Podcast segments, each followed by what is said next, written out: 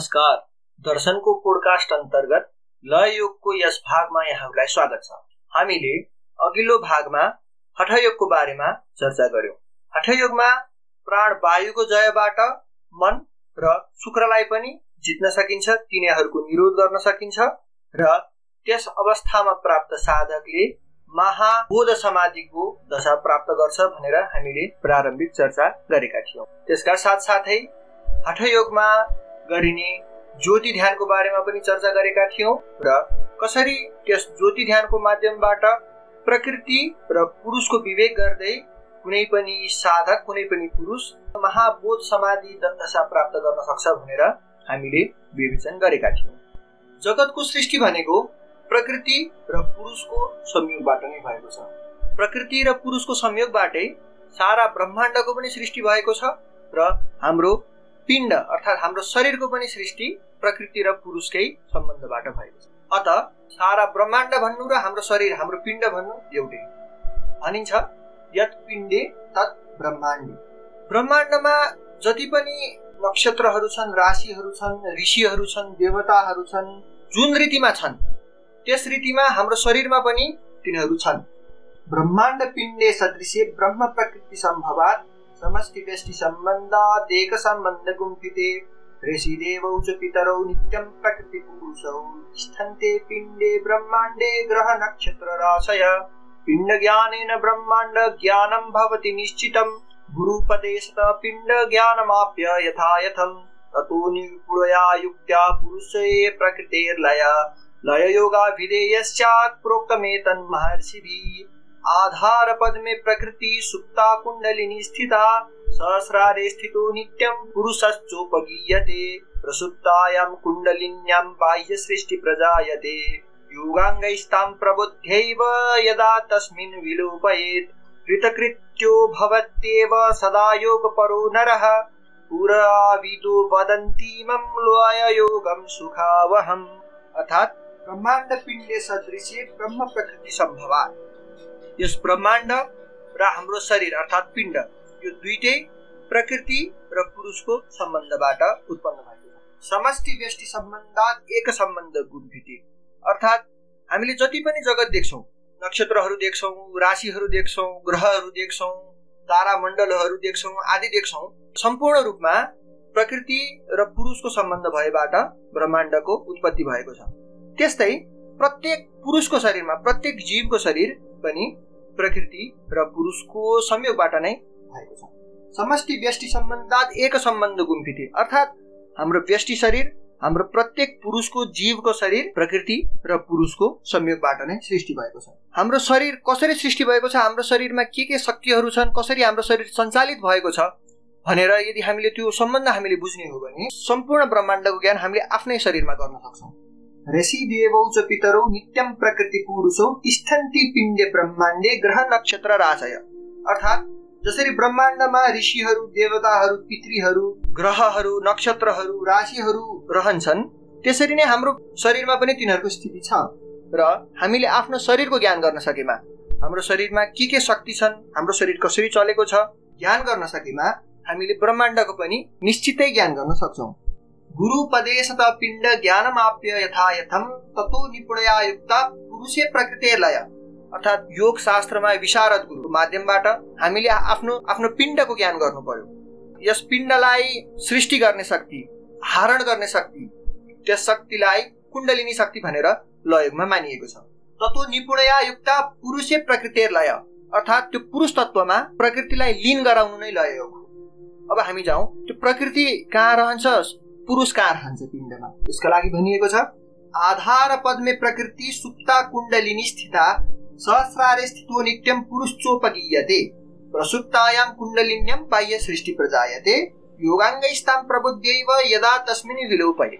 अर्थात् त्यो प्रकृतिको शक्ति हाम्रो शरीरमा कसरी धारित भएको छ भन्ने व्याख्या गर्नको लागि लययोगमा नाडी चक्र पद्म व्योम पञ्चक लिङ्ग आदि अनेक व्याख्या गरिएका छन्। सामान्य रूपमा अहिले हामीले बुझ्दा गुदामण्डलबाट दुई अङ्गुल माथि र लिङ्गको मूलबाट दुई अङ्गुल तल एउटा चराको अन्डा जस्तो आकृति रहेको छ। त्यो आकृतिलाई कन्द भनेर भनिन्छ र त्यसै कन्द स्थलमा मूलाधार चक्र रहेको छ। मूलाधार चक्रमा प्रकृति शक्ति नै कुण्डलिनीको रूपमा परिणत भएर रहेकी छन् भनेर लयुगमा मानिन्छ। त्यस्तै शरीरको सबैभन्दा माथिल्लो भागमा पनि सहस्रार चक्र छ। र त्यस सहस्रार चक्रमा पुरुष रहन्छ। हाम्रो शरीरमा त्यो कुण्डलिनी शक्ति जागृत छैन। त्यसको जागरण गरेर सहस्रारमा रहेको पुरुष तत्त्वसित लिन गराउनु नै लयोग हो। त्यसो गरेको खण्डमा त्यस स्थितिलाई प्राप्त साधकलाई महालय समाधि प्राप्त हुन्छ। प्रसुप्तायां कुण्डलिन्यां बाह्य सृष्टि प्रजायते योगाङ्गस्तां प्रबुद्धैव यदा तस्मिन् विलोपयेत्। कृतकृत्यो भवत्येव सदा योगपरो नर पुराविदो वदन्ति मम लययोगम सुखावहम। अर्थात् हाम्रो शरीरको सृष्टि नै त बाह्य सृष्टि हो। संसारमा जीव दशामा हामी भ्रमण गरेका छौँ त्यो हाम्रो शरीरको कारणले र त्यस शरीरलाई धारण गर्ने शक्तिलाई कुण्डलिनी शक्ति भनेर भनिएको छ। र त्यो कुण्डलिनी शक्ति मूलाधार चक्रमा रहेको छ। हाम्रो शरीरमा हामी कहिलेसम्म जीवित छौँ? भन्दा हामी जीवित छौँ किनभने हाम्रो शरीरमा प्राण छ। र त्यो प्राण वायुले गर्दा हाम्रो शरीरमा प्राण रहेको छ। अब हाम्रो शरीरमा कुन कुन वायु रहेका छन् र त्यो प्राण शक्ति कसरी हाम्रो शरीरमा सञ्चालित छ भनेर हामी विवेचन गर्नेछौँ। हाम्रो शरीरमा पाँच आन्तर प्राण मानिएका छन् भने पाँचवटा बाह्य प्राण मानिएका छन्। प्राणो वहिन्त्यम् अपानो बुधमण्डले समानो व्यानो व्यापि शरीरेषु प्रधाना पञ्चवायवः प्राणाद्या पञ्चविख्याता नागाद्या पञ्चवायवः तेषामपि च पञ्चानां स्थानानि च वदाम्यहम्। उद्गारे नाद आख्यात, कुर्म उन्मीलने स्मृत। कृकराच्युत्कृते ज्ञेयो, देवदत्तो विजृम्भणे। न जहाति मृते क्वापि सर्वव्यापी धनञ्जयः। अर्थात्, हाम्रो हृदय मण्डलमा प्राणवायु रहेको छ। अपानो बुधा मण्डले। अर्को शरीरमा स्थित वायु भनेको अपान वायु हो। र यो हामीलाई अनुभव गम्य पनि छ। वायुको दुईटा गति छन्। एउटा हृदयमा पनि गति छ र अर्को गुदामण्डलबाट पनि वायु निश्रित हुन्छ हाम्रो शरीरबाट। त्यस्तै समानो नाभि देशी। नाभि देशमा रहेको वायुलाई समान भनिन्छ।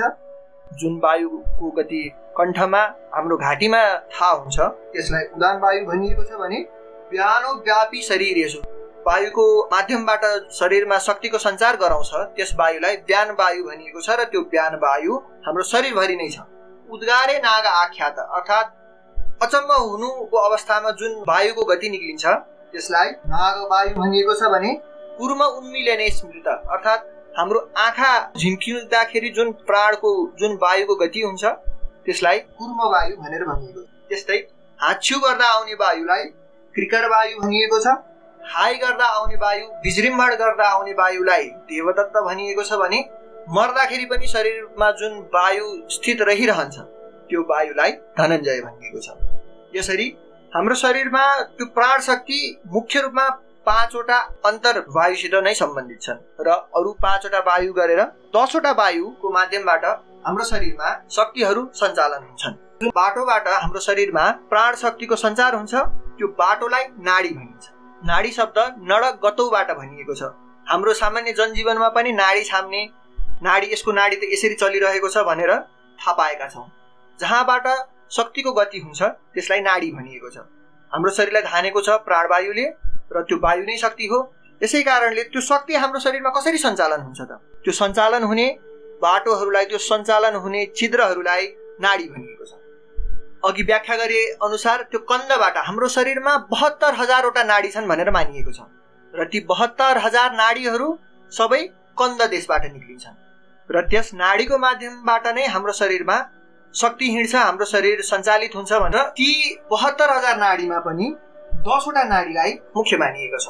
ती दसवटा नाडी हुन् इडा पिङ्गला सुषुम्ना गान्धारी हस्तिजिउबा उषा यशस्विनी अलम्बुसा कुहु र सङ्खिनी इडा च पिङ्गला चैव सुषुम्ना च तृतीयका गान्धारे हस्तिनी जिह्वा पुखा चैव यशस्विनी अलम्बुसा कुश्चैव सङ्खिनी दशमी स्मृता।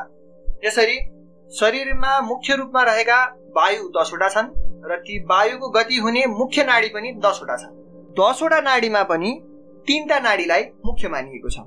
ती तिनवटा नाडी हुन् इडा नाडी पिङ्गला नाडी र सुषुम्ना नाडी इडा नाडी हाम्रो देब्रे नागबाट सुरु भएर दुईटा आँखी भाउको बिचमा भ्रूमध्यमा पुग्छ र त्यहाँबाट ओमकारको जस्तो आकृति लिएर अर्थात् धनुषाकार लिएर देब्रे काँध हुँदै हृदय मण्डलमा पुग्छ र त्यहाँबाट फेरि धनुषाकार हुँदै गएर दाहिने अण्डकोशमा र त्यहाँ पुगेर गएर कन्दमा गएर मिल्छ भनेर मानिएको छ। त्यस्तै पिङ्गला नाडी दाहिने नाकबाट सुरु हुन्छ दाहिने नासारन्ध्रबाट सुरु हुन्छ।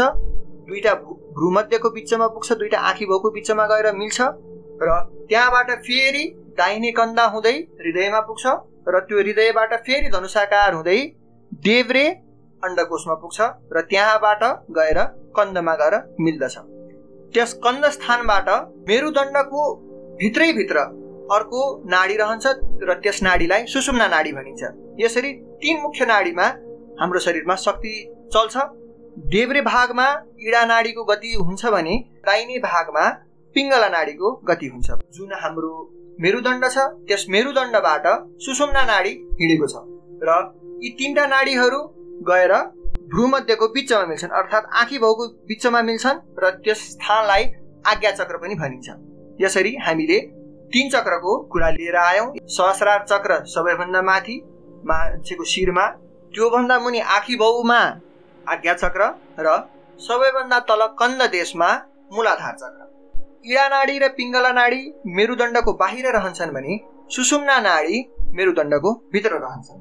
षटचक्र निरूपण पुस्तकमा श्री पूर्णानन्द यतिले भनेका छन् मेरुर बाह्य प्रदेशे शशि मिहिर शिरे सभ्य दक्षे निषण्डे मध्ये नाडी सुषुम्ना त्रितय गुणमयी चन्द्र सूर्याग्निरूपा दस्तु रश्मेर पुष्पग्रथित तमवपु मध्यगन्धाच्छिरस्था।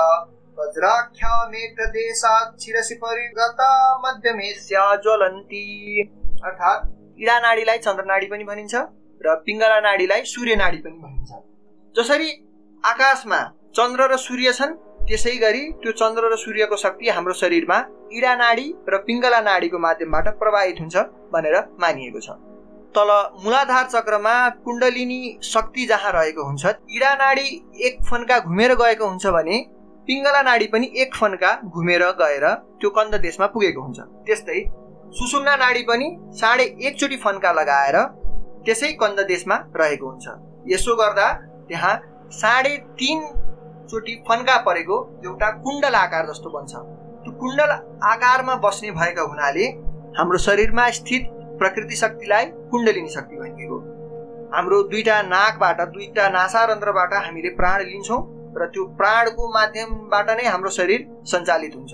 त्यो प्राण हाम्रो शरीरमा किन स्थित छ भन्दा बुधामण्डलमा अर्थात् मूलाधार चक्रमा कुण्डलिनी शक्ति रहेको छ र त्यस कुण्डलिनी शक्तिको प्रभावले हाम्रो शरीरमा प्राणको गति रहेको हुन्छ।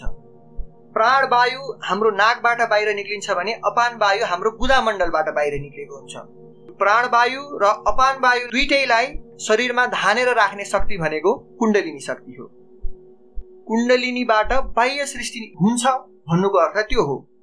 हाम्रो शरीरमा प्राणवायु र अपान वायुलाई रोकेर राख्ने भनेको कुण्डलिनी शक्ति हो। मृत्युको दशामा त्यही भएर यदि प्राणको गति र अपानको गति एउटै भयो भने हाम्रो शरीरमा वायु रहन सक्दैन। त्यसै हुनाले जब मृत्युको बेला आउँछ मृत्युको बेलामा प्राणको गति र अपानको गति एउटै हुन्छ र त्यो तिन ठाउँबाट निक्लिन सक्छ। कि त्यो तालुबाट निक्लिएर जान्छ जहाँनिर सहस्रा चक्र छ त्यो तालुबाट निक्लिएर जान सक्छ अथवा नाकबाट जान सक्छ अथवा बुधामण्डलबाट जान सक्छ। हाम्रो लौकिक भाषामा पनि हाम्रो नेपाली समाजको परम्परामा पनि कुनै व्यक्तिको मृत्यु हुँदाखेरि यसको प्राण त तालुबाट गयो अथवा नाकबाट गयो अथवा बुधाबाट गयो भनेर भनिने चलन पनि छ। नेपाली समाजमा जुन सनातनदेखि चले आएको योगको परम्परा छ त्यसको प्रभावले जनजीवनको बोलीमै थाहा पाएका छौँ। प्राणको गति थानेर राख्ने त्यो कुण्डलिनी शक्तिले हाम्रो शरीरलाई छोड्यौँ भने हामी मृत्यु प्राप्त गर्छौँ। हाम्रो जीवन कहिलेसम्म छ? जबसम्म त्यो कुण्डलिनी शक्तिले प्राणवायु र अपान वायुलाई हाम्रो शरीरमा स्थित गराएर राखिएको छ। यसरी हाम्रो शरीरमा रहेको शक्ति प्राणवायुको माध्यमबाट र नाडीको माध्यमबाट शरीरमा सञ्चालित रहेको छ र त्यस नाडीको पनि विशेष विशेष ठाउँमा चक्रहरू रहेका छन् विशेष विशेष शक्ति केन्द्रहरू रहेका छन् र ती शक्ति केन्द्रहरूलाई चक्र भनेर मानिएको छ। यसरी हाम्रो शरीरमा रहेको शक्तिको विवेचना कुण्डलिनी शक्तिको विवेचना इडा पिङ्गला र सुषुम्ना नाडीको विवेचना हामीले यस भागमा गऱ्यौँ। धन्यवाद।